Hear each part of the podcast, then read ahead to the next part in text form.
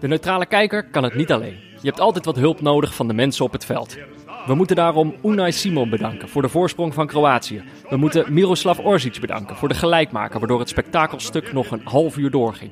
We moeten Alvaro Morata bedanken voor de gerechtigheid. Haris Severovic voor het duwtje en de kopbal. Benzema voor de doppelpak. Pogba voor het afstandsschot. Nog een keer Severovic voor de aansluitingstreffer. Gavranovic voor de gelijkmaker, zodat ook dit spektakelstuk nog een half uur langer duurde. Alle Zwitsers die tot het gaatje gingen. Kylian Mbappé, Jan Sommer. Wat een dag. In totaal een uur extra spektakel voor de neutrale kijker. Penalties als toetje. Waar hebben we dat eigenlijk aan te danken? Sommer steht da, bereit, den Ball zu krallen. Mbappé gegen Sommer. Mbappé. Sommer hält! Sommer hält! Sommer hält! Die Schweiz! Wow! Viertelfinale! Ja, ja oder weggecheckt? Was ist los? Ja, ja! Er zählt! Der Treffer zählt! Die Schweiz steht im Viertelfinale! Im Viertelfinale der Europameisterschaft! Ei, Frau! True! Wahnsinn! Ja, Jordi? Ja, Peter. wij, zitten, nog een beetje hoog in de emotie. Ja, gelukkig wel. Goeiedag, want, zeg. Ja, ik, eh, ik, ik had de afgelopen dagen niet zoveel meegemaakt in dit blokje. Vandaag had ik het een en ander meegemaakt. Maar ik denk dat ik dat even wil stallen, want dat, eh, dat past prima. Je gaat nou niet vertellen wat je, wat je vanochtend allemaal hebt gedaan. Nee, ik wil dat gewoon even bij deze overslaan. Dus ja, Jezus, Peter, wat hebben we net gezien? Wat hebben we net, waar hebben we net urenlang naar gekeken? Naar waarschijnlijk een van de beste Ja, nou, In ieder geval, ja, zolang wij bestaan, de beste. Maar ja, anders werd je weer gefactcheckt. nee, dit was Zo, gewoon... dit wil je helemaal niet factchecken, maar dit was, ja, dit was dit, zo perfect is het voetbal bijna niet geweest. Zolang als deze podcast eh, bestaat, en dat is natuurlijk maar een schamele drie jaar, is dit toch, ja, denk ik wel met afstand de beste neutrale kijkersdag. Niet, niet één, niet één perfecte wedstrijd, maar twee. Ja, Ongelooflijk, naar die, naar die domper van gisteren. Waarna je denkt van, kunnen we de mensen ooit nog weer een beetje motiveren om ook neutraal naar dit toernooi te kijken? Nou, wij hoeven niet zoveel moeite te doen. nee, Het spektakel eh, vond allemaal op het veld plaats. Oh man, het, eh, we moeten denk ik gewoon met, meteen naar die ja, wedstrijden. laten we toch? naar die wedstrijden gaan, want het is ook gewoon zo dat eh, ik, ik, had een, ik had een klein beetje volgevoel omtrent Kroatië-Spanje. Ja? Het zijn natuurlijk, ja, nou, niet, zo, niet hoe dit is uitgepakt door absoluut niet. We gaan hier niet uh, Jomanda spelen.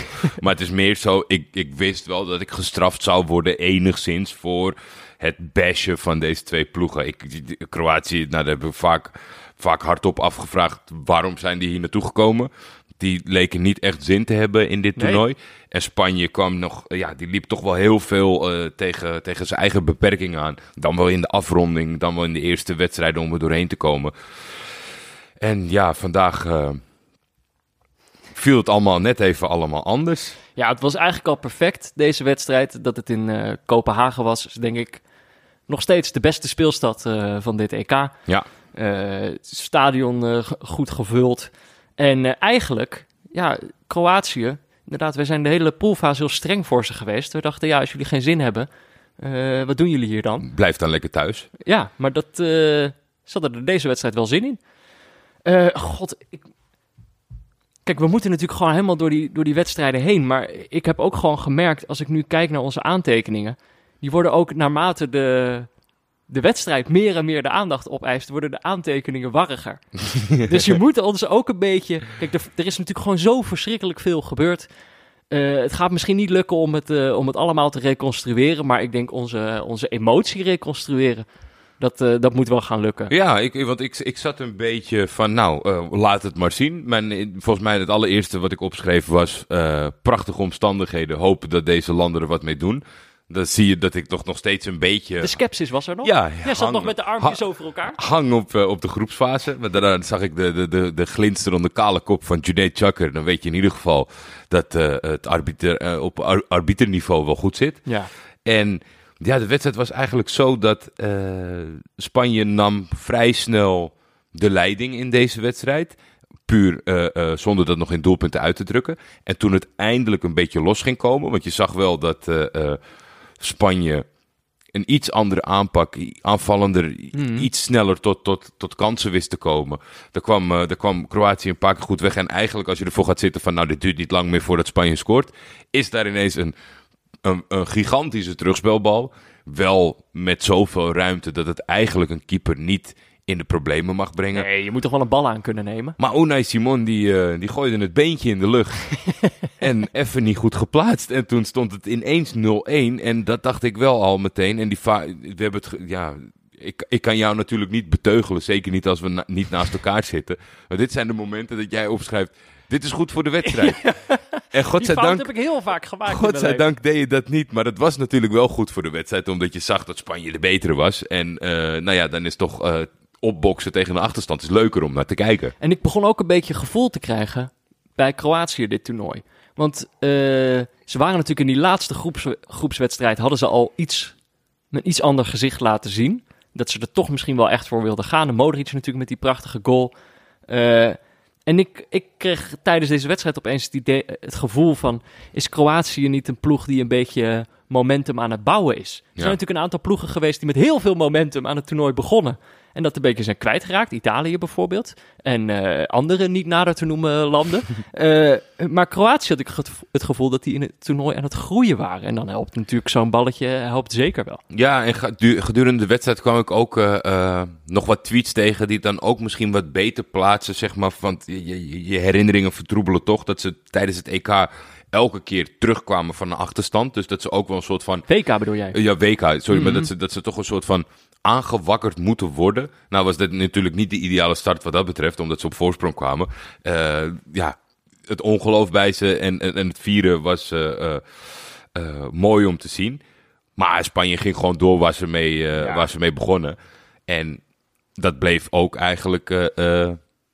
ja, eigenlijk kregen we alsnog wat er in het begin leek te gaan gebeuren. En dat was in eerste instantie al de gelijkmaker. Pablo Sarabia. Die schoot hem binnen.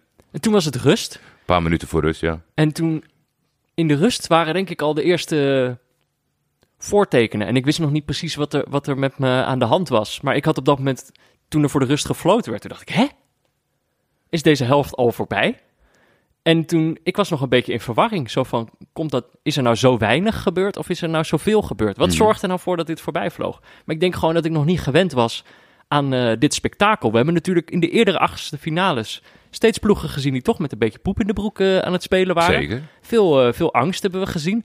En in deze wedstrijd was dat eigenlijk niet aanwezig. Ja, misschien Ja. bij Unai Simon, na- net kort na die treffer, zat er misschien wel poep in de broek. Maar daarna eh, was dat al, al gauw weer weg. Nee, ja, en op een of andere manier de be- bevlogenheid eh, eh, in de uitvoering van het plan van de coach, die, die veel bekritiseerd is door mij, Luis Enrique, maar niet zozeer voor wat hij op het veld dacht, want dat vond ik meer aan de spelers, maar meer... cargo pants. Ja, maar dat zie je. Kijk, weet je, Luis, ik hoop dat hij zelf snapt als hij zo meteen, als hij na deze wedstrijd de kleedkamer in is gelopen, dat hij denkt, nou, dat ging wel lekker vandaag. En dan een, een, een shot van zichzelf ziet in zijn jeans. en dat hij denkt, nou, Een geluksbroek. hou die maar aan. Ja, Dus dat was Eh, een, goede, een goed fashion statement. dit was een, eh, een bijzonder moment, eh, eigenlijk vrij kort na rust, 10 minuutjes na rust. eh, de 1-2 van eh Cesar Aspilicueta. Is toch een verdediger op papier. Maar die, eh, die loopt hier gewoon eh, helemaal mee naar voren. Zet zelf de aanval op en is uiteindelijk ook degene die hem, eh, die hem binnenkopt. Guardiol, eh, groot talent, eh, veel geprezen. Zag er niet lekker uit bij, dit, bij deze goal. Zeker Het niet. is natuurlijk ook moeilijk als je in principe, nou ja, het is niet recht, je rechtstreekse man en dan loopt hij ook nog eens helemaal naar binnen. Maar je kan natuurlijk, Aspilicueta is geen twee meter, die moet je toch wel gewoon in de lucht kunnen kloppen. En er was natuurlijk nog iets anders aan de hand in deze wedstrijd. Hè? Ik vond het heel lief dat na deze goal van, eh, van Spanje, waarmee ze de voorsprong weer pakte, eh, commentator Philip Koken toch eventjes wilde wijzen op hoe nuttig eh, Morata zich gemaakt had in deze aanval. Hij nam natuurlijk een van de verdedigers mee, waardoor Aspilicueta vrij stond. Maar dit was natuurlijk dit was ook gaande tijdens de wedstrijd. Natuurlijk in de afgelopen week eh, naar buiten is gekomen dat Morata met, de met de dood wordt bedreigd door enkele Spanjaarden. En zijn vrouw en, en kinderen ook. Dus er zat een soort een wedstrijd in een wedstrijd. Van Ja. gaat Morata eh, sportieve wraak nemen in, in, in deze wedstrijd? Dat is natuurlijk de enige manier waarop je dat kunt laten stoppen, is een doelpunt maken. De eerste signalen waren niet goed Nee, voor eerstel in de, eerste, hel, in de eerste helft eh, zag hij er al niet lekker uit. En na een prachtige aanval kopte hij die bal eh, ja, eigenlijk bijna van de goal af in plaats van, de, van er naartoe. En hij werd ook, te, ik had het gevoel, die Kroatische verdedigers zijn natuurlijk ook niet de vriendelijkste jongens. Die, die Vida en Chaleta Cha, die hadden het ook wel een beetje op hem gemunt. Ik dacht, eh, de- ik dacht dat zij zo'n gevoel hadden van deze jongen zit al niet zo lekker in zijn vel. Nee, maar Laten we die een paar trappen geven. Ja, ik ben geen voorstander van, van eh, eh, schoppen om het schoppen. Maar ik vind wel gewoon getuigen van kennis van zaken. Je moet je, je, moet je ook eh, inlezen in je tegenstander. En als je weet dat iemand het niet eh, makkelijk heeft, dan moet je wel zorgen dat jij niet degene bent die hem wat ruimte biedt, zeg Nee. maar. En als je dan kort op de huid gaat zitten bij iemand die niet lekker in zijn vel zit, ja, dan heb je eh, meer kans van slagen. Hij maakte op een gegeven moment nog wel een doelpunt. Die wordt afgekeurd, stond hij ruim buiten spel. Eh, maar iets later is er dan toch de, de 1-3 voor Spanje. Ja, en dit was zo'n ontluisterend moment. Eigenlijk had je gewoon het gevoel, hier is de wedstrijd klaar. Ferran Mhm. Torres in zeeën van ruimte. Een verdediger die moet compenseren. En hij is natuurlijk ook eh, niet de minste. Die tikt hem wel heel eh, koelbloedig eh, binnen. En dan denk je, ja, hoe- ze hebben nog een kwartier. Wat kan er nou helemaal nog gebeuren in deze Ja. wedstrijd? Z- en dat dacht zeker. Spanje ook. Zeker, maar dan, dan gebeurt er toch iets bij mij waarvan ik, waardoor ik ga hopen en waardoor ik eens van kant switch. Want ik zat, ik zat eigenlijk wel, ik vond het een prima weerspiegeling van de wedstrijd. Leuke wedstrijd gezien. Eh, ik moet een compliment geven aan Spanje hoe ze het hebben uitgevoerd. Kroatië had natuurlijk bij mij al een beetje eh, eh, moeite om geliefd te zijn. Mhm. Maar ja, in de 78ste minuut, meteen na het prachtige doelpunt van Torres, besluit Luis Enrique om onder andere Jordi Alba in te brengen. Ja, en daar, daar stopt het wel voor mij. Daar zie, jij, daar zie jij de eerste voortekenen van wat er daarna gaat gebeuren. Nou, niet- daar ontstaat mijn hoop dat Kroatië toch nog iets kan. Misschien Nee. wel. Het is niet zo heel veel later. Eigenlijk, ik had het gevoel, uiteindelijk valt de 2-3 gewoon precies op tijd. In de 84ste minuut eh, een perfect doelpunt voor zo'n slotfase. Zo'n bal die een beetje zo half op de doellijn blijft liggen. En dan gewoon drie gasten die er tegenaan blijven trappen. Totdat het horloge van de scheidsrechter eh, gaat trillen. Ja, En eh, ja, godzijdank zat hij wel. Anders dan was het natuurlijk wel... eh, anders dan werd ons iets ontnomen, weet je wel. Anders was de neutrale kijker niet zo'n mooie avond wat, wat ik grappig vond aan het moment is dat ik een soort van hoop bij Chakar op- in zijn gezicht zag. Omdat die had ook nog wel zin in een slotfase. En die had misschien ook wel, nou ja, deze prachtige dag in Kopenhagen hoeft van mij nog niet af te lopen. Dus die, die ik, ik, volgens mij beteugelde hij een klein juichmomentje dat, dat zijn horloge afging. Nou ja, ik, ik eh, had hier ook een kreetje hoor. Ja, ik zat ook al van, eh daar gaan we. Ja, Want eh slotoffensief hebben wij zeer weinig gezien. Ook tijdens dit toernooi. Eigenlijk nog niet. Maar ja, dat is misschien ook meer iets voor de knock-out fase. Ja, en, ze zijn ook prachtig. Het is, weet je, je, moet altijd zorgen dat je. En dat, is- dat is altijd heel moeilijk. Om je bij, altijd, bij alles heb je al een beeld van tevoren. En zeker als je dan recent daarmee geconfronteerd bent. Slotoffensief werkt niet echt lekker op dit toernooi. En dan is het ook wel weer zo'n deceptie van. Nou, ze komen even terug. Maar daarna gaan we de fase in van liggen, tijdrekken. Eigenlijk wordt er niet meer gevoetbald. Eh, het plan van aanpak van, van de ploeg die het slotoffensief zou moeten doen. Komt er niet lekker uit. Nee. Dat, is, dat is toch dat je denkt. Jij zegt hij valt op tijd. Maar ik dacht eigenlijk. Net hmm, te laat, dacht Met, misschien wel te laat. Ja, maar eh, Kroatië deed het zo goed. Ik, ja, ik weet niet. Ja, is Ik heb niet kunnen ontdekken waarom zij dat dan kunnen. Misschien dat Spanje ook wel wat steken liet vallen. Maar eh, ja, je zat gewoon te wachten op de 3-3 eigenlijk. Nou ja, ik bedoel, te hopen, misschien ook vooral. Ja. Eh, maar 90 plus 2. Kramaric. Ja, toen werd het echt knotsgek. Pasalic. Pasalic was het Pasalic. niet Je zat, eh, ik denk dat jij een rondje bent gaan lopen gewoon tijdens het juichen. Het was, eh, eh, ja, de, de grote hoofdrol was natuurlijk voor Orsic, die, die 2-3 eh, binnenwurmde en de assist gaf op Pasalic, die hem Ja. fantastisch binnenwerkt. En dan staat het 3-3 ineens in de 92e minuut. En ja, dat is totaal absurd. Hoop je op. En ja, dan ga je er eens goed voor zitten bij de verlenging. Ja. En dan mag zo'n wedstrijd eh, eh, Soms, dan, zo lang duren als het zou moeten. soms wordt het verlengen en dan denk je... pff, Ook je dan- nog. Nou ja, dan denk je, Ja. eh, waar hebben we dit nou verdiend? Gaat één ploeg, zie je meteen al, die gaan gewoon vol voor de penalties. En dan zit je een beetje, iedereen is dood op. En dan zit je te kijken naar zo'n vermoeide strijd. Ja, en dat gebeurt op zo'n dag als vandaag. Gebeurt dat gewoon niet. Allebei de ploegen gingen er nog vol voor. Ja, ja, het concrete voorbeeld bij mij thuis was dat ik had, eh, ik vond zes uur, eh, of, of dan moet je eigenlijk voor die zes uur wedstrijd gaan eten. Dat vind ik altijd een beetje vroeg, we eten liever wat later. Maar ja, inmiddels was nu deze wedstrijd afgelopen en er was nog steeds niet gegeten. en daar kan je best wel zagrijnig voor worden. Maar ik had zoiets van, ja, weet je wat, laat, het, eh, laat, laat die maar altijd zitten, die maken we morgen wel. Pak wel even snel een sneetje brood en ga zitten voor die verlenging. Dat is een beetje het, het sentiment. Want er zijn ook wel potjes geweest, Peter, waar ik misschien een deel van een helft in de keuken heb gestaan met het geluid wat harder. Begin van de verlenging kwam Kroatië er echt keer op keer doorheen. Het Ja. lag zo open. Eh, en eigen, ergens is dat logisch, want zij hadden natuurlijk, als je het dan hebt over momentum, in die wedstrijd zelf hadden zij ook momentum. Zij hebben net twee doelpunten gemaakt. Flinke klap voor Spanje, die eigenlijk eh, toch gewoon de eindstreep van deze wedstrijd probeerde te halen. Die waren niet meer bezig eh, met nog een doelpuntje maken. En ja, dan gebeurt uiteindelijk. Ik vind dit eh, op meerdere manieren heel knap. En dit is natuurlijk ook het meest poëtische moment van deze wedstrijd. Ja. En dan ook nog eens op deze manier.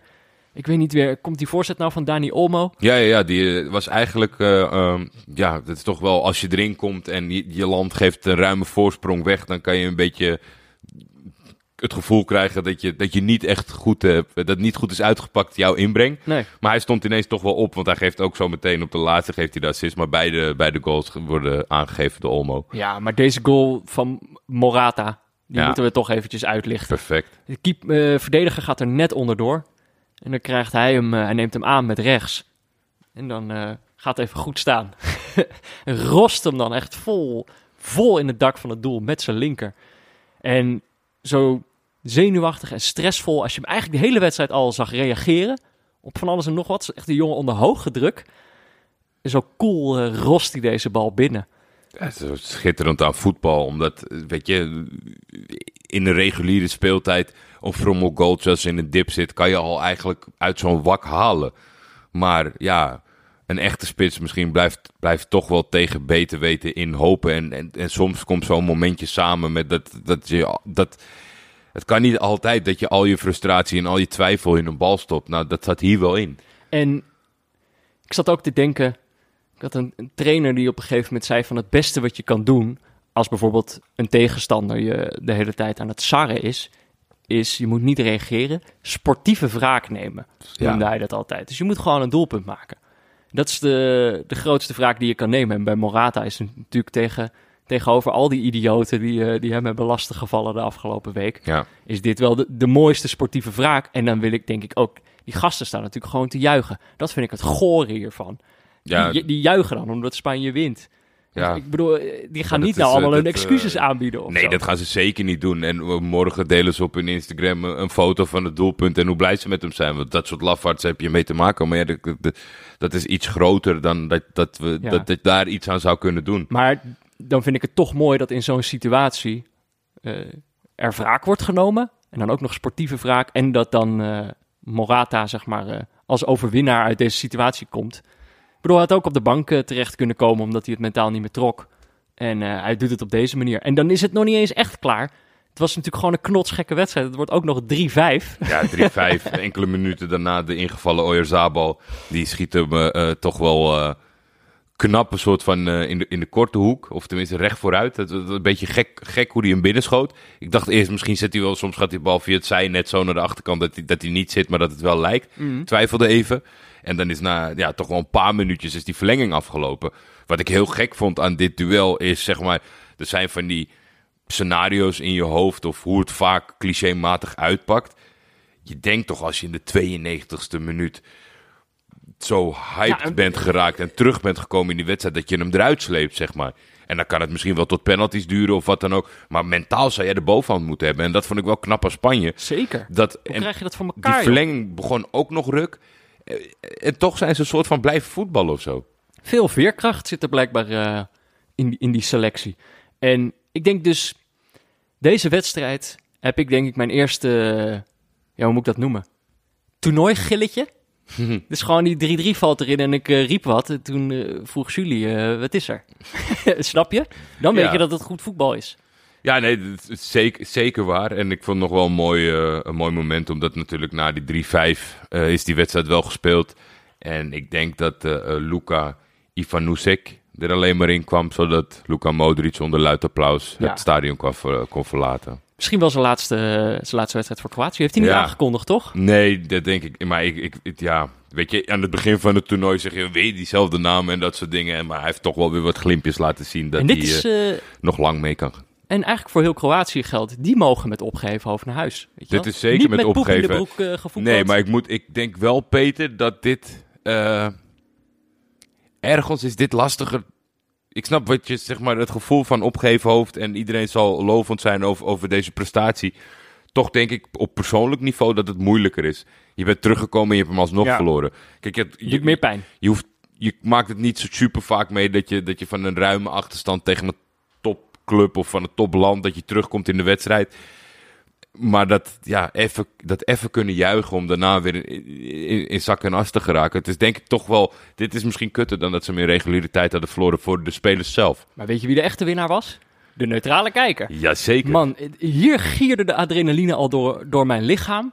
Eh, na die wedstrijd, na deze verlenging, schakelen ze dan naar Studio Europa. En wat gaan die doen? Die gaan het over het Nederlands elftal hebben. Eh, Dat verzin je toch niet? Dit is toch gewoon het moment waarop je dan... Waarom zend je zo'n wedstrijd uit? Toch om, het, om, om zoiets buitengewoons te zien en om dan het plezier van dat je dat, dat, je dat ziet kunnen delen. ja, Eh, Dat komt er dan gewoon niet uit. Ik, ik, ik heb, ik, in principe is het zo dat als je in zo'n toernooifase zit, je kijkt die wedstrijden en alles wat je nog normaal moet doen in je leven, die probeer je een beetje tussen die wedstrijden, voor die wedstrijden in te proppen. Dus ik zie niet alles.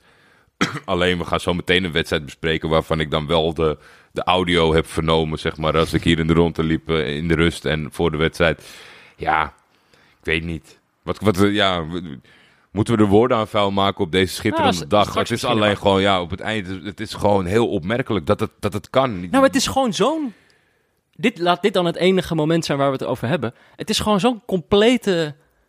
eh,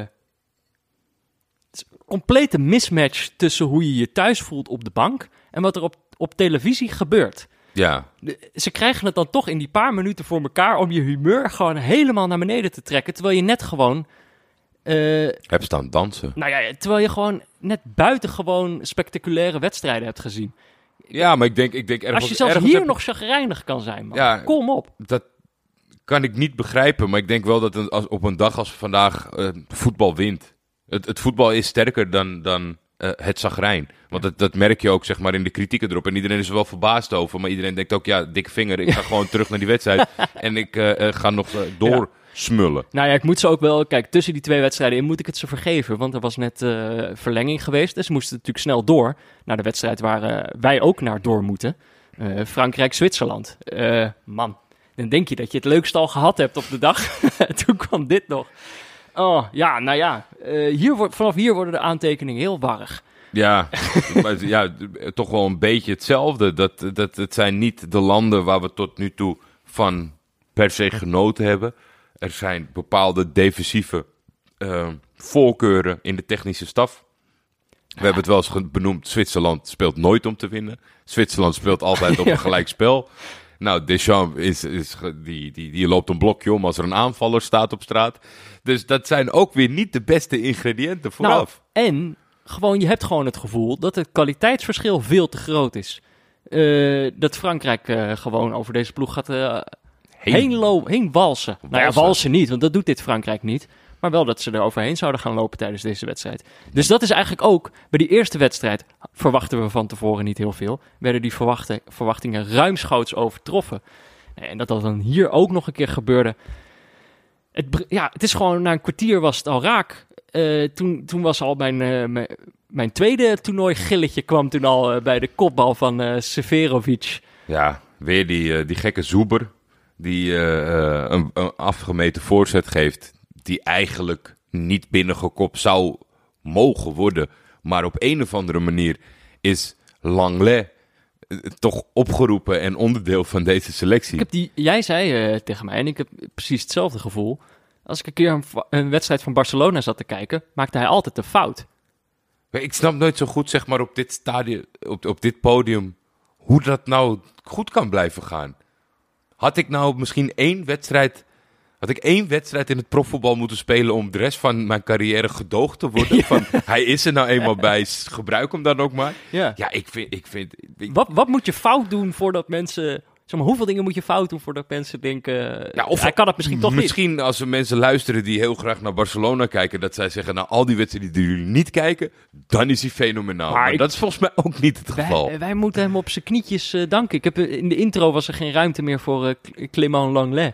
Maar dat hij hier zo, eh, zich zo eenvoudig laat wegzetten... denk ook wel door de sluwe vos, Haris Severovic. Ja, die toch wel eh, zijn gelijk, eh, van een hele, gelijk aan het halen is dit toernooi op een heleboel mensen. Want het is natuurlijk niet iemand die je gauw in je topscorerslijst zet of waar je met veel waardering om zijn gepolijste tech- techniek over begint.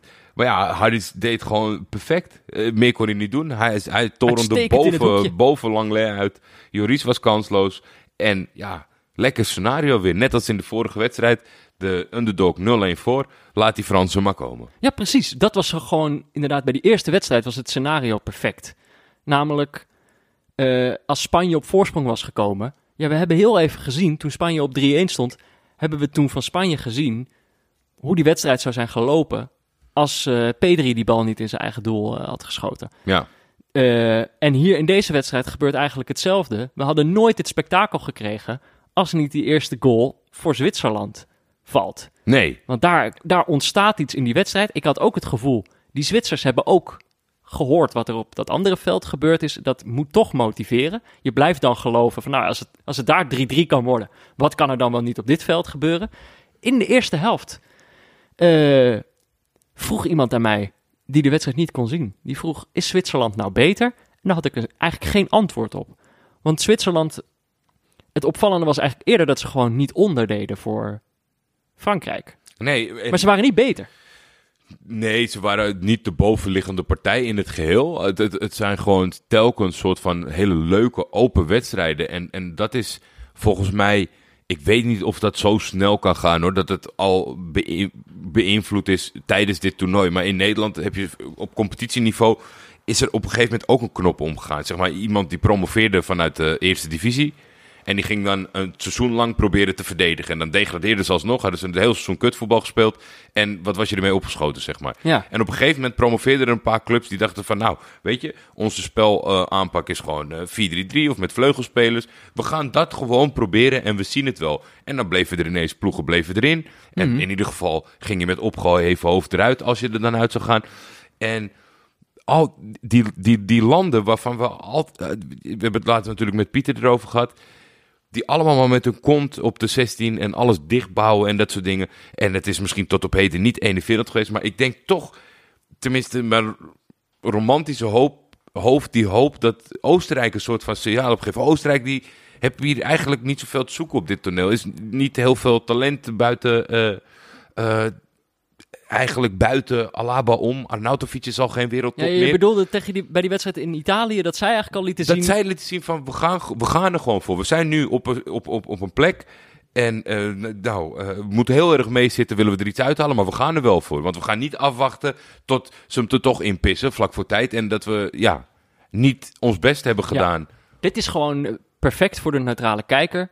Dat dat, dat keer op keer nu tijdens dit toernooi beloond wordt. Ja, en Want dat, dat- gaat dan ook leven tijdens zo'n toernooi. Ja, en ik denk dat het ook gewoon is dat het heel vervelend is voor de toplanden. Die moeten ook een soort van gaan aanpoten en die zijn het niet gewend. Want die denken, ja, weet je, die, eh, die, die links- en die rechtsback van, van Zwitserland... die blijven wel wachten tot onze aanv- om onze aanvallers te beteugelen. Maar het tegendeel was waar. Die jongens vlogen er zelf lekker op, die Vargas van Zwitserland. Zo. Niet normaal. Maar in de rust is eigenlijk al de, de grootste nederlaag voor Deschamps vindt plaats in de rust. Ja, Hij moet namelijk eh, aanvallend wisselen. Ja, ik denk dat... de- ik schreef op dat moment op, daar zal hij vannacht slecht van slapen. Maar goed, iedereen kent de uitslag. Ik denk dat er wel meer redenen zijn waarom hij slecht slaapt. Maar dat was eigenlijk al, daar moest hij al... eh, Ja, ik zie me, ik zie me daar voor gaf hij zijn dat... initiatief al uit handen, weet je. Als Deschamps aanvallend moet wisselen, dan weet je dat het, eh dat het hommeles is. Soms komt er na zo'n eindtoernooi zo'n eh, achter de schermen documentaire uit. Ik, ho- ik hoop zo, ik zie zo voor me dat de spelers en de staf, zeg maar, een soort van tegen hem zijn gekeerd binnen. En dat ze, ja, maar DJ, we staan 1-0 achter. Het is een knock-out fase. We hebben heel veel talent. Je moet nu Nee, het is veel te vroeg. Niet doen, niet doen. En dat ze toch op een of andere manier hebben ze hem weten te overtuigen om... Ja, misschien wel omdat hij zo slecht is, kon hij dat misschien over zijn hart krijgen. Dat hij Langley wisselde voor Coman. Ja. Maar ja, het is toch, ja, natuurlijk veel eh, eh, ruimte voor grapjes erover. Maar ja, hij heeft het toch gedaan. En het, eh, hij leek te worden beloond voor zijn aanvallende intenties. Oh, maar ja, maar Zwitserland, Zwitserland kreeg natuurlijk ook ruimtes. Ja, Dus die bleven gewoon gaan. En dat is, dat is ook weer zo'n detail bijkomstigheid. Dat als je 1-0 voor staat, dat het niet hoeft te betekenen dat je dan weer met je komt. Want blijf maar gewoon voetballen. En dat, dat vinden die tegenstanders hartstikke irritant. En dan was er het moment, Eindelijk. eh, weer Zoeber, die, eh, die slalomt eh, tussen de Fransen door. Die gaat liggen in het Oh penaltygebied. shit, ik sla een momentje over. Ja, dat was een behoorlijk momentje. nee, ga door. Ga Dit door. is een moment, het duurt heel lang voordat duidelijk wordt. Er gebeurt namelijk zoveel in deze wedstrijd, dat het heel lang duurt voordat de VAR eigenlijk een momentje krijgt om ertussen te komen. Ja, Zo van, hey, eh, penalty, ik dacht misschien penalty eh, daar. allround compliment wel voor de invulling van het commentaar vanavond. Jeroen Geruut een fantastische wedstrijd eh eh, becommentarieerd. Ja. Maar zag deze ook scherp. Want ik dacht, nou ja, weet je, het kan nog wel zo zijn in het voorbijvliegen. En dat Zoeber balverlies hebt. En dat hij, er, dat hij er meer van probeert te maken. Toen kregen we toch dat moment, nou ja, nadat eigenlijk Frankrijk alweer in de aanval was geweest. Dat ze toch zeiden van, we gaan even kijken. Nou, toen zag je het vanuit de andere hoek. Overduidelijk, eigenlijk de enige vraag was, was het te binnen of was het te buiten? Want Ja. het was echt wel gewoon, hij trok, hij trok zijn benen onder zijn lijf vandaan. Toen moesten de scheids eventjes gaan kijken. Rappalini trouwens, de Argentijnse scheids. Nou, die heeft wel een affiche gekregen. Eh, die geven we dan weer weg aan de, aan de Argentijnse scheids. Aan de die gaat kijken en dan weet je natuurlijk al hoe laat het is. Inderdaad, wij zagen die beelden ook. Dan, eh, dan, dan weet je dat hij hem gaat geven. En dan weet je dat Zwitserland eh, gewoon de kans gaat krijgen op de 2-0. Maar eh, ja, nou, niet zo best genomen. Niet best genomen. Jezus, dit en, was ik eh, eigenlijk alweer vergeten. Het is goed dat het in onze aantekeningen staat. Want hier, dit is natuurlijk eigenlijk was dit een vreselijk slechte voorbode voor de rest van de avond. Ja, zeker. En het is natuurlijk ook zo dat eh, de keeper van Frankrijk, net als eigenlijk inmiddels best wel heel veel keepers, niet bekend staat om een penalty killer te zijn. Nee. Hij had volgens mij voor het laatst in 2012 een penalty gestopt. Doet dit op zich keurig. En dit is ook wel weer zo'n clichématig knakpuntje voor mij, dat ik dan op de bank zit. Dat ik denk, oei, Mhm. dit is het moment dat je het wonder had kunnen... eh, Bestendigen? ja, en dat doe je niet. Dus dat is eigenlijk het start zijn dat de tegenstander, Nou. de favoriet, je nu gaat vermorzelen. Daar zag je echt die kwaliteit die soms opeens uit dit Frankrijk eh, tevoorschijn kan komen. Ja. Dat, en dit, was inderdaad, je, je laat ze heel eventjes bloed ruiken en, eh, en ze vreten je op. Kan Benzema in een paar minuten twee magische dingen zien doen. Ja, dat, dat is het ook, zeg maar. Dat het ook, je, je knippert met je ogen en je staat letterlijk achter. En als underdog, dan wordt het zo moeilijk op het moment dat je in de wedstrijd achterkomt. Die eerste moeten we natuurlijk Ja. stilstaan bij de fantastische aanname van Benzema. Dat is echt magie. Dit gaan mensen proberen na te doen op het schoolplein, weet je wel. Ja, ik denk wel dat er soms een bebloed bovenlipje gaat eh, ontstaan bij Ja, de kindjes. eh, Want doe, het is, een, eh, doe een Benzemaatje, wordt Ja. er dan gezegd. En dan is- moet je dit het is- proberen. het, is een, het is echt een prachtige voetbeweging. En hoe hij hem dan ook gewoon kort meteen weer terughaalt om, om af te maken is fantastisch. Ik moet dan wel meteen uithalen. Want daar zijn ze toch wel... Weet je, Engeland is het thuis en, en allemaal dat soort dingen. En ze, maar ze zijn af en toe zo dom in hun meningen. Zie ik Michael Owen, toch wel een, een, een held van weleer. Met zijn kleine, korte, snelle beentjes. Uh, I was thinking this was more beautiful dan Bergkamp tegen Newcastle. Denk ik, nou ja, Michael Owen. Dat heeft toch gewoon, dat is niet eens hetzelfde stadium. En wij kunnen gewoon prachtig hierover praten, ervan genieten. Het was schitterend. ja. Maar dat, dat is toch niet, dat andere was ballet. Dat had helemaal niks met voetbal te maken. Nou ja, maar die, waarom zou je ze moeten vergelijken? Dat kunnen Ook toch dat. allebei mooie doelpunten zijn? Ook dat. Maar dit was, ik- het is gewoon zo vet. Ik denk, eh, ik kan daar echt herhalingen van blijven kijken. Eh, het is gewoon pure klasse. Daarna staat hij ook eh, helemaal vrij om hem binnen te tikken. Kort daarna, ja, dat is ook klasse. Blijft hij uitstekend achter die bal. Ja. Want hij kopt die bal uiteindelijk zo'n beetje op de doellijn binnen. En dan denk je, nou, dit is buitenspel. Eh maar hij was uitstekend eh, achter de bal gebleven. Het was, Ja. eh, was Ik, twijfel, ik twijfelde ook in de, in de eerste, maar dat komt meer omdat hij zeg maar nog even naar voren loopt nadat hij, is nadat hij al is gegeven. En dat is gewoon, dat is kwaliteit van de topspits. En ook weer een poëtisch moment, hè? Het was natuurlijk toch... Hij is teruggekeerd voor dit toernooi. Hij heeft natuurlijk al, eh, al, al een doelpuntje gemaakt, maar dat voelde, Ja, die voelde niet als echt. voelde niet echt. Het voelde bij hemzelf ook niet helemaal als echt. Dan moest hij ook nog even wachten op de VAR, geloof ik. En hier, dit was gewoon echt. In die paar minuten liet hij zijn, zijn enorme klasse zien. Eh, en stond Frankrijk opeens nog voor. Dan denk je dat je het allemaal gehad hebt. Ja, En, dan, eh, gebeurt dit. Man. Ja, ja, wat moet je erover zeggen? Ik vind het van zo'n buitensporige kwaliteit. eh Paul Pogba, die doet eigenlijk zonder de voetbeweging letterlijk een herhaling van dat afstandsschot wat wel gepakt werd op de... eh, ja, wel gepakt werd. Zeker, die werd uit de kruising getikt. Ja, uit de kruising getikt en nu valt hij precies hetzelfde. Maar als je dat zeg maar in zo'n kort tijdsbestek, dat je dat twee keer presteert. Want het- bij dit soort goals heb je eigenlijk van, wauw, dit gebeurt je één keer in je leven of zo. Maar als jij gewoon binnen twee, drie wedstrijden twee keer eigenlijk exact hetzelfde doet, omdat je die kwaliteit beheerst om, om zo'n vuurpijl af te schieten. ja, En zo, het is, maar eh, goed zo, dat Jan, het is maar goed dat Jan Sommer er niet bij kwam, want hij was echt magisch. zo sierlijk en zo hard. Eh, en dan staat het 3-1. Maar ja, kijk, wij hebben die wedstrijd van eerder die dag gezien. Dus wij denken, het, het zal toch niet. Maar eh, sla je, je nu de inleiding tot de teleurgang over? Want na het doelpunt... na het doelpunt van Pogba... Kijk, want wij zijn... je, We moeten twee kanten belichten.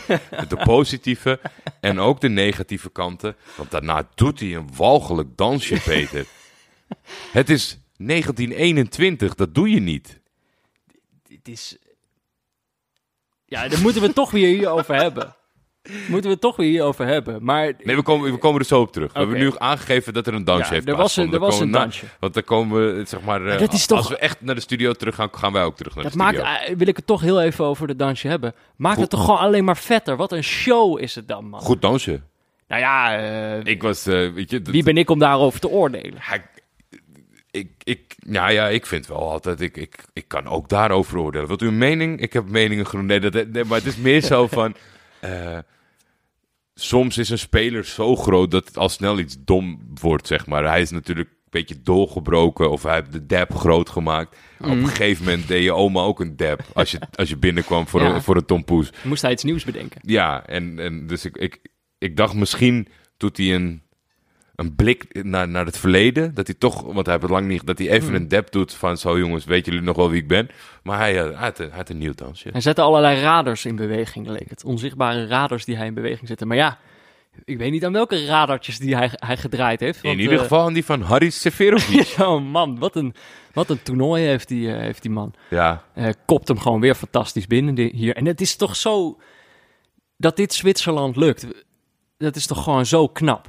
Je hebt die penalty gemist. Je krijgt twee waanzinnige goals eh, om je oren. Je het staat, verschil is twee. je staat al de hele tijd tegen een ploeg met allemaal gasten die veel beter zijn dan jij. En dat je je in die situatie nog kan herpakken. Hij viel gewoon weer op tijd, de 3-2. Ja, goeie, echt, het is ook wel echt een compliment. Er is natuurlijk weinig, eh, weinig ruimte voor een trainer om echt in te grijpen in een wedstrijd. Eh, wissels is de meest voor de hand liggende. Dus een tactische aanpassing of wisselen, zeg maar. Kavranovic brengt hij, een Babu brengt hij. Vasnach komt er dan in voor Zuber, dat moest ik nog maar even zien. En Bolo, die echt kapot gemaakt is door de Fransen. Die echt wel eh, dat vond ik schandalig. hadden. Ja, maar ik, ik heb echt... Eh, ja, hoe moet ik hem omschrijven? Als een beetje... Misschien wel een soort muis met, crème, met, met, met eh, eh, hoe noem je dat? Crèmespoeling. Rabiot, die heeft echt eh, een rotwedstrijd. Het, het, was ook gewoon een mismatch in het geheel, zeg maar. We hebben echt naar een hele leuke wedstrijd gekeken, waarin alle betrokken een beetje kon, ja, zeker toen Langley eruit ging, zeg maar. Maar die Rabiot, die dan een beetje zoekende was en elke keer verkeerd gepositioneerd. En ook die twee keer, tot twee keer toe is hij het volgens mij die Embolo echt smerig eh, bejegend dat, dat irriteerde me een beetje, maar die was dus wel echt op en daar kwam Vargas voor binnen. Nou ja, dat is, als je Embolo moet vervangen, dan heb je dat eh, goed gedaan. Maar de wissels waren echt goed en het is dus die Mbabu die die prachtige bal geeft op Seferovic. En dan twitter ik toch maar in de hoop dat, zet je helm maar op, dan gaan we weer. Maar ja, ik wist het nog niet helemaal zeker, Peter. Buckle up. daar, daar gaat de neutrale kijkerstrein. Ja, en ik, ik, ben wel blij dat we nu, eh, nu pas eigenlijk een man moeten behandelen die we misschien eh, over de hele wedstrijd heen moeten behandelen. Moeten we Severovic 3-2, Gavranovic 3-3. Ja, maar op aangeven van Chaka. En het, is, ja, het, moet, het moet echt verschrikkelijk zijn voor, voor alle Arsenal supporters wereldwijd die kijken.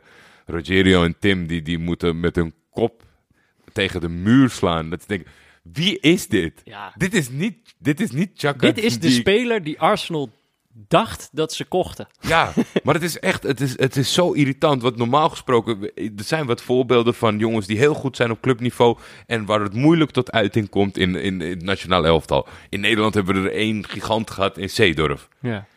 Maar deze gozer speelt voor Zwitserland nooit echt slecht. Hij, hij doet nog steeds wel zijn domme dingetjes. Maar hij was vandaag, ja, weergaloos. Echt weergaloos. Ja. Echt nog een paar keer nog, nog ballen over de verdediging heen gelegd. Die dan net niet goed werden aangenomen of net niet goed vielen. Ja, maar hij Ah, deed alles. Ja. Hij, hij gooide zich voor schoten, hij onderschepte ballen en hij gaf ook de, de steekballetjes. Ja, Ongelooflijk. echt ongekende prestatie. En dan is het gewoon 3-3. Dan Ongelooflijk. gaan we weer, Ja. weer verlengen. En toen had ik toch al heel gauw, toen dacht ik, het perfecte toetje voor deze neutrale kijkersdag zou eh penalties zijn. Ja. En ik, kijk, Zwitserland had, had in de slotfase heel veel aanvallers ingebracht. Nee, dan kregen we gelukkig nog een extra wisselmomentje in, eh, in de verlenging. Dus toen werd toch gelijk eh Severovic eruit gehaald en eh Cher werd erin gezet. Ja. Eh, Niet, volgens mij voor, had- niet voordat we het meest theatrale heugmoment van dit toernooi eh, moesten Oh. bekijken. Karim Benzema. Karim moet naar de kant. Die heb, eh, die heb eh, toch wel... eh, eh, ja, de benen waren leeg, zag je. Want die kon bijna niet meer naar de zijkant lopen. Voor hem kwam er een kart in de plaats. Olivier Giroud. En ik dacht eigenlijk van... eh, ik, ik, ben- ik, heb- ik, ik zag zo Benzema hoefde het niet te doen. En Deschamps ging dan... Kom maar, kom maar even knuffelen. Ja, dit was een foto-op. Ja, dit was. Ja, nee, ik, werd- ik, werd daar, eh, ik, werd, ik werd daar niet blij van. Ik werd daar niet gelukkig van. Ehm, en kijk, Frankrijk had natuurlijk het omgekeerde gedaan. Die hadden net Sissoko gebracht eh, aan het einde van de wedstrijd. Met het idee van, eh, die, die kan nog wel even wat strijd leveren om, Juist, om, om de wedstrijd over de streep te trekken. Eh, maar die eindigde dan uiteindelijk toch gewoon maar weer op rechtsbuiten. die moest dan maar gewoon gaan aanvallen. Nog een bal het stadion uitgeschoten op aangeven van Mbappé. Een Mbappé die voor de rest. eh, ja, hij had ge- de kolder in zijn kop. gedurende dit, eh, dit, dit toernooi, tijdens de wedstrijd, eh, eh, was ik ook. Heb ik Jean-Paul geappt. Ik zeg van, weet je, hoe, hoe staat hij erop? Want ineens kwam een beetje dat, dat ding binnencijpelen. Ongeacht of je door bent of uitgeschakeld. De grote namen. Geef het toch wel thuis, dit toernooi. Zeker Ronaldo is natuurlijk al uitgeschakeld. Pitsen, Lukaku, Lewandowski uitgeschakeld, maar wel zijn doelpunten gemaakt voor zijn land. En Mbappé is natuurlijk, Eh, ja, Denzel Dumfries. ja zeker. En Kylian is natuurlijk wel van het niveau van de next in line. En, en het is hij, eh, Haaland, dat soort dingen. Ja. Maar hij heeft al die wedstrijdjes niet thuisgegeven. De, weet je, wel inzet getoond, ook tegen Duitsland toen. Met zijn verdedigende arbeid. Maar we hebben niet de Mbappé gezien die we kennen. En, Nee. en, ja, nou, toch- eigenlijk, ik bedoel, je, we hebben hem best wel een beetje zien, zien... Ik bedoel, hij is nog even snel. ja. Maar gewoon eh draait uiteindelijk dan toch eh, om de doelpuntjes. En eh Haris Severovic kan het wel. en Kylian Mbappé niet. Nou ja, de, er zijn nog wat, nog wat momenten. Ging natuurlijk ook nog een bal op de lat. ja, oh, die laatste split second van maar dat is, dat is nog voor de verlenging, hè? Die Ja. was ik alweer vergeten. Ehm, Ja, dat was in de allerlaatste seconde van de reguliere speeltijd. ja, Die spat echt uiteen. eh, Dat, dat, een, dat het een wereldgoal kunnen zijn. eh Maar onderkant kruising. in maar, de verlenging... Kijk, we hebben natuurlijk bij Oostenrijk-Italië zagen we Hinteregger. Die kon, die kon echt niet meer gewoon... Ik bedoel, die, die, die leeft tien jaar korter doordat hij die wedstrijd heeft gespeeld.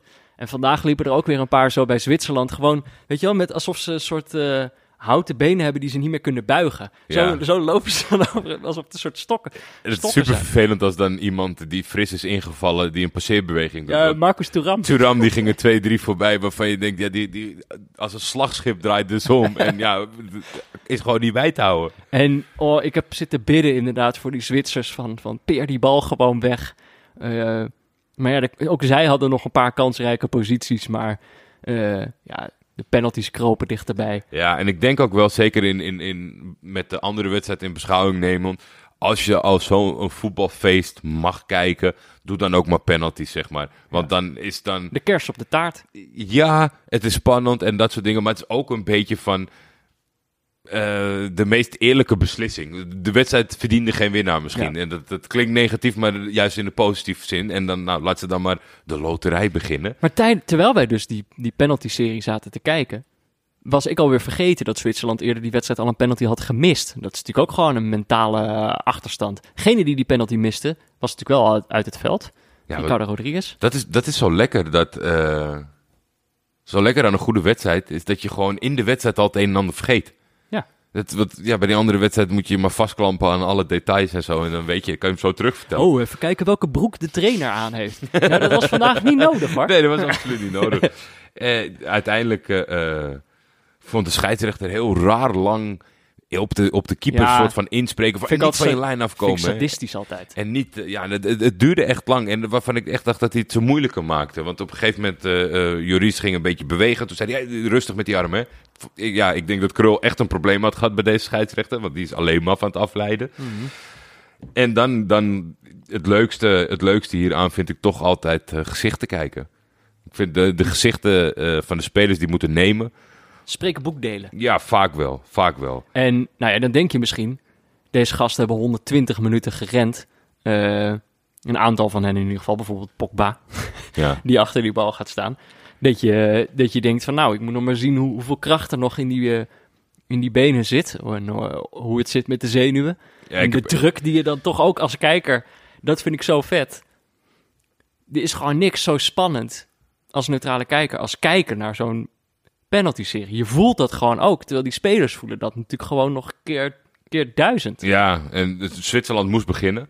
Uitstekende keuze van de coach eh, om eh, Gavranovic als eerste te laten gaan. Zo. Die had er, in principe had je hem vijf ballen kunnen geven. Hij ze alle vijf gewoon daar achter elkaar erin geschoten. Die had echt nul emotie op zijn gezicht. Daarna begonnen mijn interne, interne schietgebedjes.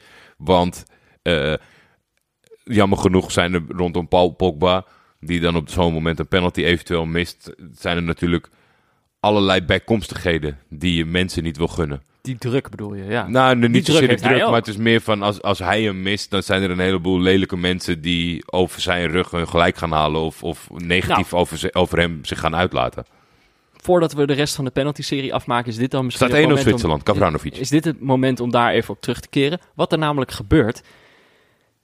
Je, eh, het is 3-3 geworden, die wedstrijd.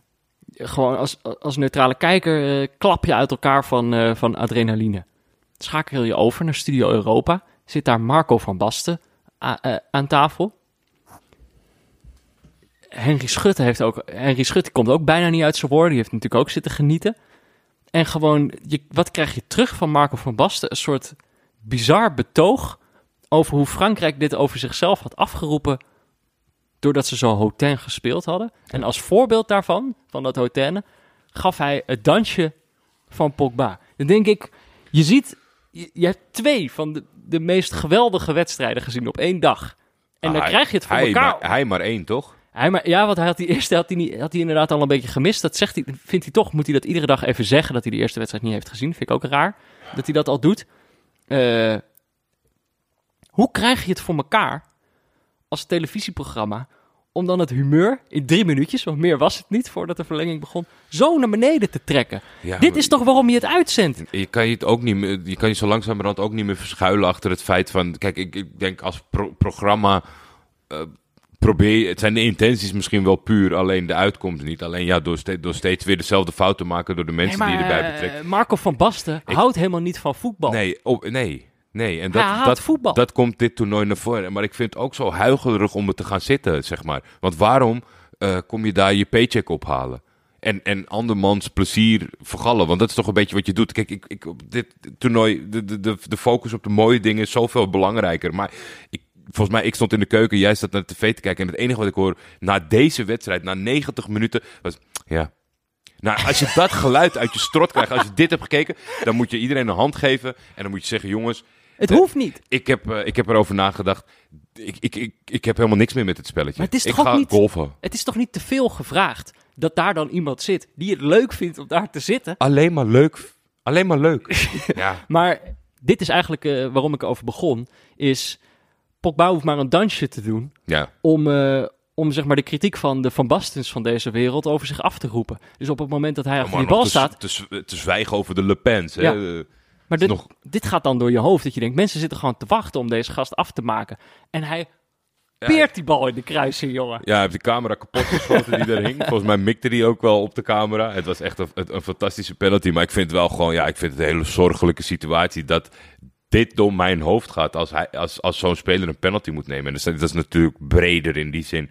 Als Nederland het gisteren tot penalties had geschopt en Memphis had hem overgepeerd, dan weet je het ook wel weer. Zeg maar. maar dat dit gewoon een bijkomstigheid is van het voetbal, waarvan mensen die eigenlijk helemaal niet om het spelletje geven, een soort van op, op, ja, op meeliften. Dat, dat is heel naar. Ja. Maar in ieder geval, daarna komt Fabian Schar. Had ik niet verwacht. Schiet hem eh, redelijk goed binnen. Giroud moest ik nog even zien. Tikte hem ook goed binnen. Ja, ik dacht, daar, daar had ik een beetje... eh, daar dacht ik, dit zou ook wel poëtisch zijn als Giroud hem mist. Akanji had een eh, interessante aanloop. Nou ja, die, Met, een- met een tussenhupje. Joris eh, verwachtte het niet. Nee, die huiswerk stond, niet eh, gedaan? Die stond aan de grond genageld. Marcus Thuram vind ik gewoon een hele sympathieke gozer. Daar hoopte ik van dat hij zat. Die zat. Ja. Vargas zat. Kimpembe werd een beetje spannend. Ja, daar zeiden wij tegen elkaar, zou je die bij je eerste vijf zetten? Ja, ja dat, dat, dat dacht ik wel. Omdat ik, ik vind hem zeg maar, in zijn spel wel eens onbetrouwbaar. Hij is nogal druistig en Ja. kan nog wel eens eh, overhit raken. Nou, hij schiet hem druistig binnen. Ja, Ook en dan eh, heb redelijk in je de kruising. Admir Mehmedi, die voor, eh, vast voor veel hetere vuren heeft gestaan. Hij had er weinig moeite mee. Ik had even een momentje van... eh, Was misschien ook wel een specialist, hè, dat hij daarom ook werd ingebracht. Kan best. Ja, Ze zag ik er wel had wel even het, eh, het rollercoaster gevoeltje doen me, want je hoorde toch wel heel duidelijk de hand van Joris erachter, Ja. maar die was niet sterk genoeg. En dan, Nee, dit was bij die van Vargas, toch? was dat die van Vargas die die Mech- tikte? Mehmedi, jongen. Die, die, als, je, als je naar zijn haren kijkt, die, die, heeft, die laat Oh, zich niet meer tuurlijk, foppen door dit soort momenten. Vargas die liep terug naar de rij met zijn vrienden en zei van, oh ja, niks aan de hand toch jongens, hey, maak je niet druk. Ja, dat loopt je, dat was uitstekend. Ja, ja, daar moest alle lekker. stress er even uit. Lekkere live rectificatie. En dan komt hij en dan komt Kylian Mbappé. En met wat ik dit toernooi over hem denk in mijn hoofd, dan denk je Oh met alle poëtische dingen die je al hebt aangevallen, die zijn gebeurd. Ja, dan gaat het Donatello overkomen. Hij gaat hem missen. Hij vertrok te vroeg. Scheids had nog niet gefloten en hem ging meteen, weet je wel. Ja, maar die staat, daar gewoon niet, dat, die staat daar gewoon niet lekker. Want je, dat is altijd zo, zeg maar, van... eh, in de journalistiek ze- waren er altijd van die problemen van... je mag spelers niet bekritiseren, want dan eh, praat ze niet meer met je. Maar geloof mij dat er nooit iemand beter weet... dat hij in een slechte periode zit dan de speler zelf. En, en ik ben dan toch niet zo'n voorstander. Ik, kijk, hij kan, hij kan gezegd hebben, geef hem maar. Deschamps kan gezegd hebben, jij moet hem nemen. Aan de andere kant, ik vind dit toch het stukje amateurpsychologie dat je moet toepassen. En je moet hem niet die vijfde geven. Als je hem die verantwoordelijkheid wel wil geven, geef hem dan die eerste. Of eentje tussendoor, maar niet die vijfde. Als hij toch wel de meest onzichtbare man is qua verwachtingspatroon. Ja. Ik gun het hem echt niet. Er lopen, er zat bij die Franse rond die ik het echt gun dat ze, dat ze al, de rest van hun leven de beslissende penalty moeten missen. We kunnen, het Maar al- Mbappé niet. we kunnen het alleen maar hebben over het missen van Mbappé. Jan Sommer. Vlak daarvoor eh, begon Jeroen, Jeroen Gruter de anekdote dat hij er bijna een bonsai-keeper heeft. Omdat hij, zo klein, Bonsai-keepertje. dat hij zo klein is. Hij is volgens mij even groot als ik. Eh, dat is voor een keeper klein. Ja, Ehm, maar die pakt hem gewoon ook uitstekend. En dat is dan wel jammer. Eerst was er volgens mij even twijfel of hij overgenomen moest worden. Of hij niet te vroeg van zijn lijn gekomen ja was. maar dat, dus hij kon niet meteen glijden naar die cornervlag. Gelukkig was hij snel. Want het- als Ja. ze daar nog even een minuut voor hadden uitgetrokken, was echt een domper. Ja, der waren, mensen, daar waren mensen gaan overgeven. en zo. Ja, maar dit was, eh, dit was dit, net, dit ging net goed. Dit ging net goed. En, Want ik, eh, ja, nou ja, geweldig. Toch eh, het moment. De wereldkampioen, regerend we- wereldkampioen. De gedoodverfde favoriet. Wordt Ja. gewoon uitgeschakeld door een ploeg. Ja, door wat voor ploeg eigenlijk? Nou ja, op basis van deze wedstrijd is het gewoon volledig terecht. De Ja, gasten zijn zo tot het gaatje gegaan. Ik denk dat ze... Ik, ik weet niet of deze gasten nog kunnen lopen in de volgende wedstrijd die ze spelen. Maar anders dan kan het misschien wel gewoon puur op de adrenaline die ze hier uitpikken. ik had het tijdens, de, tijdens het verloop van de wedstrijd met iemand erover. En die, die, van, die gunde zichzelf de affiches, de topadviesjes, zeg maar. Maar ik denk dat niemand het, eh, eh, eh, het Zwitserland niet gunt op dit moment. En als zij, zij hebben de pure eh, intenties getoond. En ik neem aan dat ze daar niet van afwijken. Zometeen in de volgende ronde. Dus het is, ook, ook Zwitserland kan blijkbaar leuk voetballen. Ik had het nooit kunnen voorspellen. Niemand zag dit aankomen. Nou ja, ze hebben wel gelijk gespeeld eigenlijk. Hè? Het was wel gewoon 3-3. 3-3. Dus het was nog ergens waren het nog wel de oude Oh, Zwitsers. Maar twee, ik, ja, hoe, hoe moeten wij uitleggen hoe, hoe geweldig dit was? Twee keer 3-3 in reguliere Ja, ik speeltijd. denk dat, het, dat we ons gelukkig eh, mogen. eh, hoe noem je dat? Gelukkig mogen waarnen dat, dat een heleboel mensen met ons mee hebben gekeken. Dus die, die alleen maar een soort van een bevestiging van hun eigen bevindingen gaan horen. En het, je merkt dan toch gewoon, naar die domper van gisteren. Dit is toch gewoon onweerstaanbaar? Ja, dit, dit is wel het beste wat je kan hebben na een domper. Dat, eh, als, je, als je het had durven bestellen, dan had je er één van de twee gedaan en niet twee van de twee. Bijkomstigheid moet ik wel zeggen dat eh, ik, ik, ik denk dat thuis Solskjaer die moet zich toch, toch, de, toch schamen dat hij op de bank zit en deze Pogba in actie ziet. En ik denk dat dat, dat, vind ik het, dat vind ik het meest jammere aan deze Franse ploeg. Is dat Pogba op deze manier uh, speler van Ja. toernooi is ontnomen. Want ik denk dat er nog te veel wedstrijden plaatsvinden om hem die prijs te geven. Maar wat een sensationeel toernooi heeft hij gespeeld. Ja, en deze wedstrijd inderdaad. Hij was ook een van die spelers die in de... Die. Was het de 115e minuut? Ja, dat afstandsschot. eh, die van erg ver was trouwens. Daarom was het ook een afstandsschot. Ja, die slappe draaibal uit de lucht op, eh, volgens mij was het op command. Dat, ook gewoon, dat doet hij Ja, gewoon maar- even tussendoor. Dat hij zo ver in de verlenging nog wegdraait bij die Zwitser. Eh, en daarna nog een sprintje trekt. Terwijl die gast al twee uur aan het rennen is. Ongelooflijk. Eh, maar de Zwitsers, die gaan door, Jordi. Ben je Ja. klaar? Wil je nog iets kwijt over deze wedstrijd? Of moeten we het toch zo langzamerhand over, over morgen gaan hebben? Nee, we zijn iets anders vergeten in de hele drukte. Wat dan? De diepteanalyse. Laten we gewoon even naar Pieter Zwart gaan. Want ja, wat moet die nou over zo'n dag als vandaag zeggen?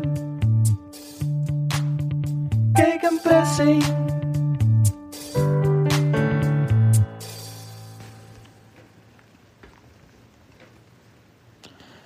Wat moet je nog zeggen over een avond waarop alles perfect ging voor de neutrale kijker? Waarin zelfs Frankrijk met vier aanvallers durfde te spelen. Zwitserland en Kroatië beloond werden voor een alles-of-niets offensief. Spanje, dankzij zijn buitenspelers, de ene na de andere kans bij elkaar speelde. De coaches die defensief wisselden gestraft werden. Ja, eigenlijk heel weinig. Het voetbaluniversum had vandaag gewoon lak aan alle logica. En dat was heerlijk om naar te kijken. Lang leven knock-out voetbal. Kijk een pressing. Een pressing. Wat een dag, hè, Jordi. We hebben, we hebben gewonnen. We hebben gewonnen van Pieter. Ja. De neutrale kijker heeft gewonnen vandaag. De statistieken, jongens, die, hebben, ja, die, die, die weten niet wat ze hiermee aan moeten. Probeerden ze nog vast te klampen aan Spanje, maar dat was niet voldoende. Oh, nou ja, of het morgen weer zo'n feest wordt, eh, ja, dat zal wel niet. Eh, en, en maakt dat eigenlijk nog uit? Eh, er zijn morgen in ieder geval weer twee achtste finales. Eigenlijk waar we meer naar uitkeken dan vandaag. Daar gaan we het straks over hebben. Eerst een berichtje van onze sponsor.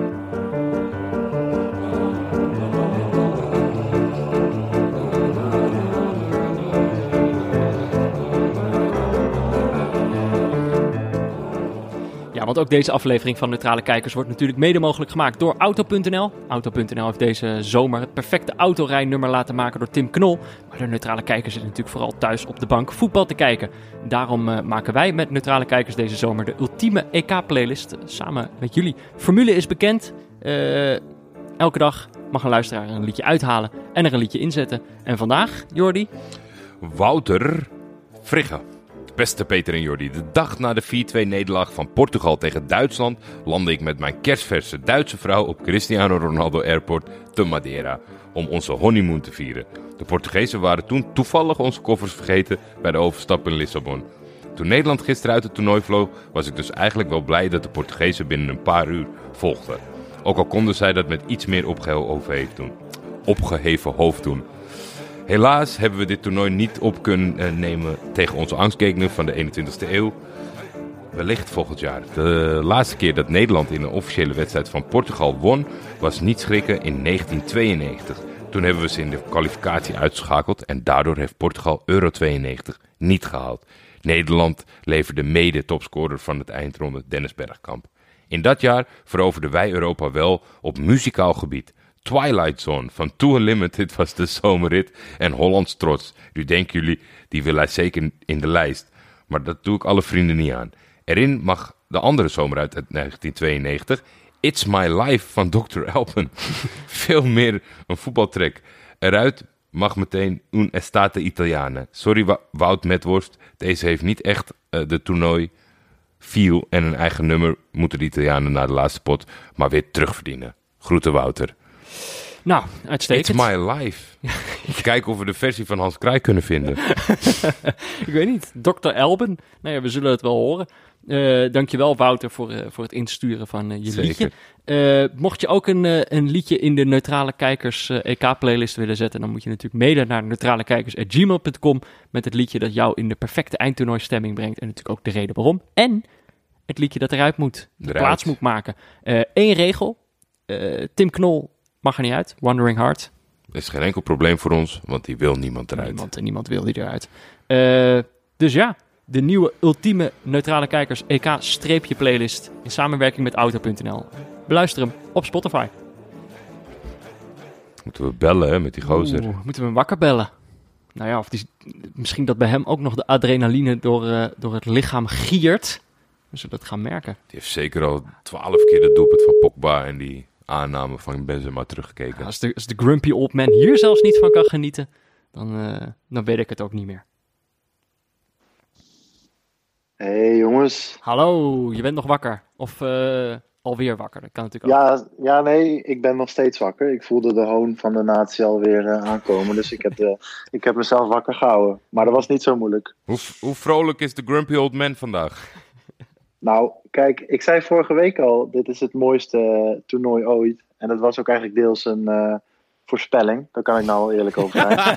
want want ik, ik denk dat dit wel de beste dag in een toernooi ooit is geweest. Eh, ik hoop niet dat iemand dit gaat factchecken, maar mijn gevoel zegt dat er nog nooit een betere toernooidag is geweest dan, dan deze. Nee, maar deze, deze valt niet te factchecken, want dit is een gevoel. Misschien dat jij eh, thuis zit te luisteren en denkt... Ja, maar ik vond toch wel Ik vond die ene- twee 0 nulletjes vond ik mooier. Dat is allemaal prima en hou dat lekker voor je. maar heel veel mensen vonden dit de perfecte dag. Man. Ja, zeker. Nee, ik ook. Die goal van Morata ook, als je het iemand, eh, iemand gunt en dat hij, eh, dat hij hem zo afmaakt. Ja, super. Echt, Lief, lievelingsmomentje van de dag?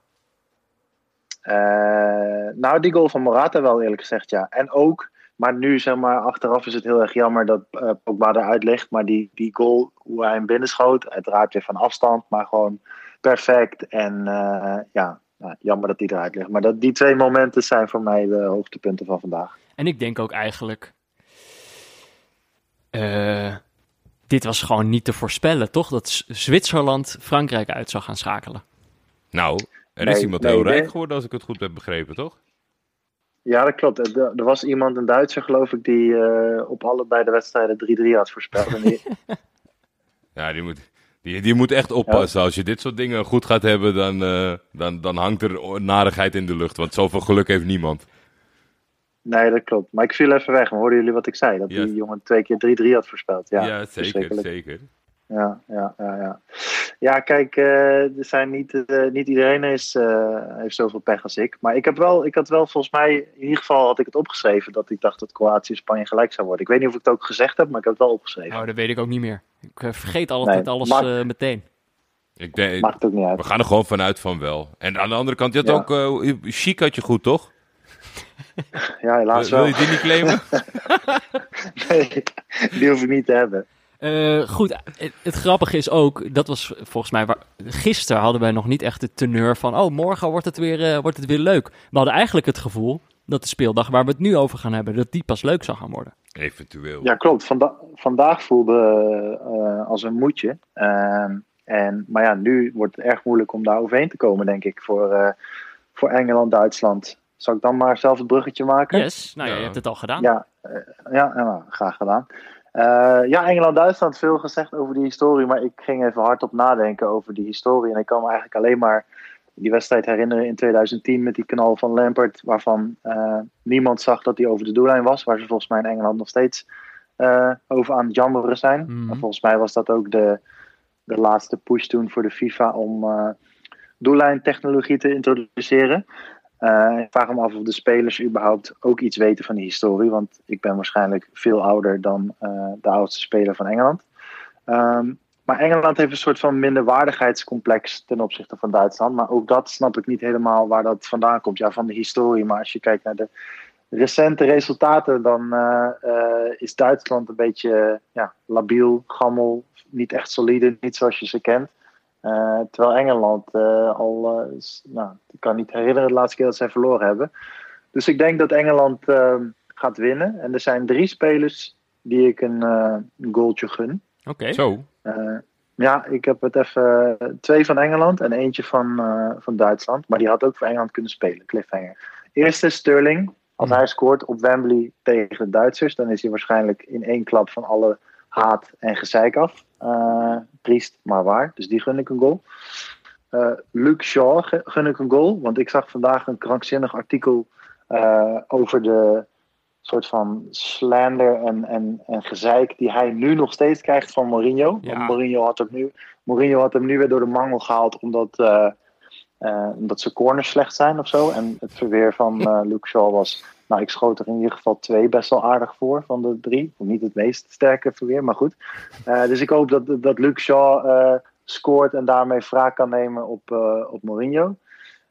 En de derde, nou, die, gun ik, die gun ik ten eerste speelminuten. En nou, als hij een goal zou maken, is dat een mooi. Is Jamal Musiala. Mhm.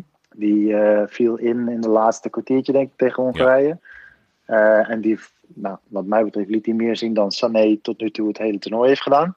Eh, maar die had ook voor Engeland kunnen spelen. En dat heeft hij zelfs al een keer gedaan met die eh, eh, Jude Bellingham. Dus het zou wel heel juicy zijn als hij scoort op Wembley. Oeh.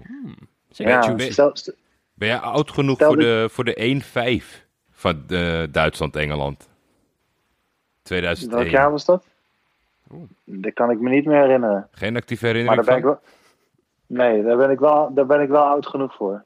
Ja, dat Maar die kan ik me eh, niet herinneren, nee. Dat, dat, Ja. is, eh, dat is voor mij, en ik, ja, dit- een 5-1 lijkt dan, zeg maar, als, als wens voor morgen, dat het dan nooit spannend is of leuk is of zo. Maar deze, daar staat zoveel in. Ze hadden toen, volgens mij, vanaf eh, 1966 nooit meer gewonnen van de Duitsers. En in de aanloop naar dit duel een paar keer nog van ze verloren. En toen ineens werd het in München 1-5. Met, ja, toch wel een hattrick van de Poelman van vandaag, Owen, zie ik nu. Dus dat is, dat is wel een rottige bijkomstigheid. Maar hoe zit het met de menukaart dan? Want het toetje, het toetje, dat wordt wel heel moeilijk hè, voor ons allemaal om nog gefocust te gaan kijken. Zweden-Oekraïne. Ja, kijk, als ik, als ik zo'n affiche zie, dan, dan groeit mijn respect voor jullie als, als neutrale kijker. Zeker als je bedenkt dat, dat het ook nog volgt na zo'n dag als vandaag. En ik weet dat jullie in de, in de afgelopen seizoen heus wel eens eh, minder aansprekende affiches hebben bekeken dan Zweden-Oekraïne. Eh, maar ja, dit is echt, eh, ik weet het niet hoor. Ik vind het ook wel een raar potje, want dankzij Zweden zit Oekraïne er überhaupt nog in. Ehm, dus ik moet, ja, ik weet niet, ik verwacht er niet zo heel veel van.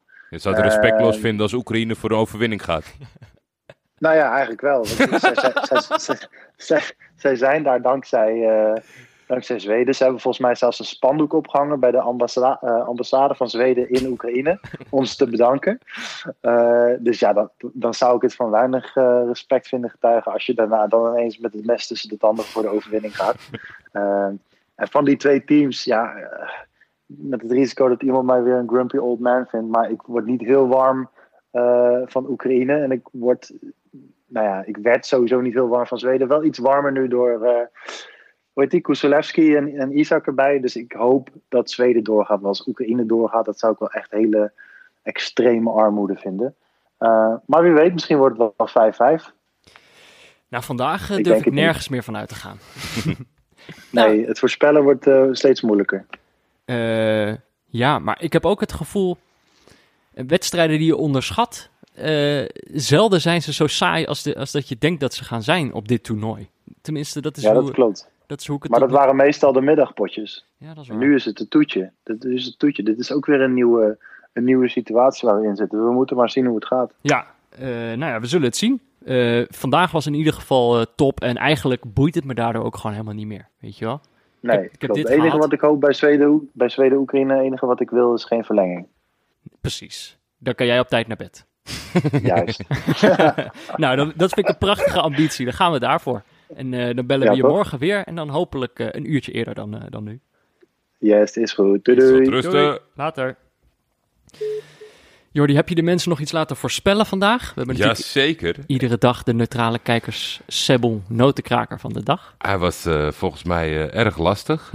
ik vroeg in de, eh, na het laatste fluitsignaal van de eerste helft... hoe vaak wordt er nog geaf, eh, afgetrapt in de tweede helft? Ja, bij Nou, de dat wedstrijd van, van Zwi- Zwitserland-Frankrijk. Iets meer dan gemiddeld. En, Ja. eh, en eh, wie, wie zou de laatste eh, nemen? Ik, ik weet nog niet of er goede antwoorden bij Even zijn. kijken, ze hebben in reguliere tij- speeltijd hebben ze in de tweede helft zes keer afgetrapt. Ja. In de verlenging hebben ze natuurlijk ook nog twee keer afgetrapt. ja, maar ik Dus- zei tweede helft. Er staat expliciet Oh, oké. tweede helft verteld. Dus het goede antwoord is zes. En de laatste was voor Frankrijk. Nou, ik weet niet. Dat zal Ik, op eh, ik, goed. ik, eh, ik heb volgens mij zes niet voorbij zien komen, maar het zijn er elke keer, eh, de dagen daarna zijn er altijd mensen die zeiden van ik had het wel en die zitten dan of achter een slotje of ik, ik, heb nou 26 keer naar mijn instellingen gekeken, mijn DM zou open moeten staan, mensen Ja. zeggen van niet. Mensen sturen nu naar mij dat ze het goed hadden. En zeggen ze, ja, ik kan het niet naar Jordi sturen, want zijn DM's... Ja, Staan niet open. Het zou niet, het zou moeten kunnen. het zou moeten kunnen. Hm. Maar anders kun je toch ook gewoon een tweetje sturen van mag ik je DM'en? Kan ook. Ja, kom op. Als je, die no- je moet die nootjes, je moet werken voor die nootjes. Als je ze wil. Want dat is natuurlijk wat je wint. Een, eh, een lekker zakje van de niet zo neutrale borrelmix van eh Sebel. De beste notenbar van Amsterdam. Jordi. Het, eh, de- wat moeten we nog zeggen over vandaag? Weet je wel, ik heb ook het gevoel dat woorden eigenlijk eh, zo- zo'n dag ook te kort doen. Ja, Iedereen het heeft is, het eh, gevoeld als het goed is. Als je het niet hebt gezien. eh Suck it. Sukkels. Ja, Dit is het neutrale kijken. Ja, dit, dit, dit terugkijken of, of, of samenvattingen, dat, is, dat zal nooit hetzelfde zijn als al die mensen die live hebben ingeschakeld. En ik denk dat we gewoon eh, eh, dankbaar moeten zijn voor het spelletje, wat het ons soms heel moeilijk maakt. Maar heel af en toe ook wel eens op een dag laat zien dat het het allermooiste is wat er bestaat. Precies. Weet je wat de, de blanke begarde tegen ons zei? Van ja, ik heb meer respect voor jullie dat jullie ook nog naar eh, Zweden-Oekraïne gaan kijken. Maar dat is eigenlijk dit, wat we vandaag hebben gezien, is juist zoveel mooier doordat we al die shit ook hebben gezien. Al die troep die we hebben gezien in de afgelopen drie jaar. Deze dag maakt dat allemaal waard. Toch? Zeker. Eh, nou ja, wat moeten we dan verder nog zeggen? We moeten straks maar eens kijken wat we gaan doen met onze spin-off show Niet eh, Neutrale Kijkers. Want, nou ja, daar moeten we nog maar een oplossing voor verzinnen. Neutrale Kijkers is mede mogelijk gemaakt door Dag en Nacht Media. De hoofdsponsor op de borst is Auto.nl. De muziek is Tachanka van Leon Liesner en Friends en een adaptatie daarvan van Studio Cloak. De gegenpressing jingle is van Laurens Collet. De vooruitziende blik was van Ed de Blanke Bogarde. De diepteanalyse van Pieter Zwart en de artworks zijn het werk van Barry Pirovano. Onze notenpartner is Sebon, de beste notenbar van Amsterdam. Je kan daar de speciale niet zo neutrale kijkersborrelmix krijgen om eh, morgen op te knabbelen tijdens de wedstrijden. Eh, wil je meepraten? Dat kan. Je kan ons volgen op Twitter via buurtvader of @defef. Je kan ons mailen op neutralekijkers.gmail.com uh, of je kan een berichtje sturen via vriendvandeshow.nl slash neutralekijkers. Daarover gesproken, Jordi. Ja, Er, zijn, wat mensen die ons een hart onder de riem hebben Er gestoken. zijn nog steeds helden in dit land. Ze zijn niet op. Ze zijn nog niet op. Eh, waaronder eh, de, nieuwste, de nieuwste leden zijn Valentin, Rix, Gestalgar en Bart. Nou, En ik vind het gewoon toch wel, ja... Heel, heel leuk van deze mensen. Dit, dit zal je dan halverwege dit toernooi instappen met luisteren dat je denkt... hé, hey, ik zou wel meer. Of, of, of heb je... ben benieuwd wat ze over Nederland denken. Heb je 15 dagen, weet je, heb je, heb je 15 keer naar de reguliere geluisterd? Ik dacht, nou, is dit wel, is dit niveau? Is dit, is dit een niveau? of denk je misschien, nou, we zijn nu eh, richting het einde eh, en eh, hier, heb je het, hier heb je mijn steuntje alsnog. Ik vind alle redenen zijn meer dan welkom en het wordt bijzonder gewaardeerd. Ja, welkom nieuwe vrienden. We nemen jullie mee naar niet-neutrale kijkers. Pak onze hand. En tegen de rest van onze luisteraars, bis morgen. Tjus.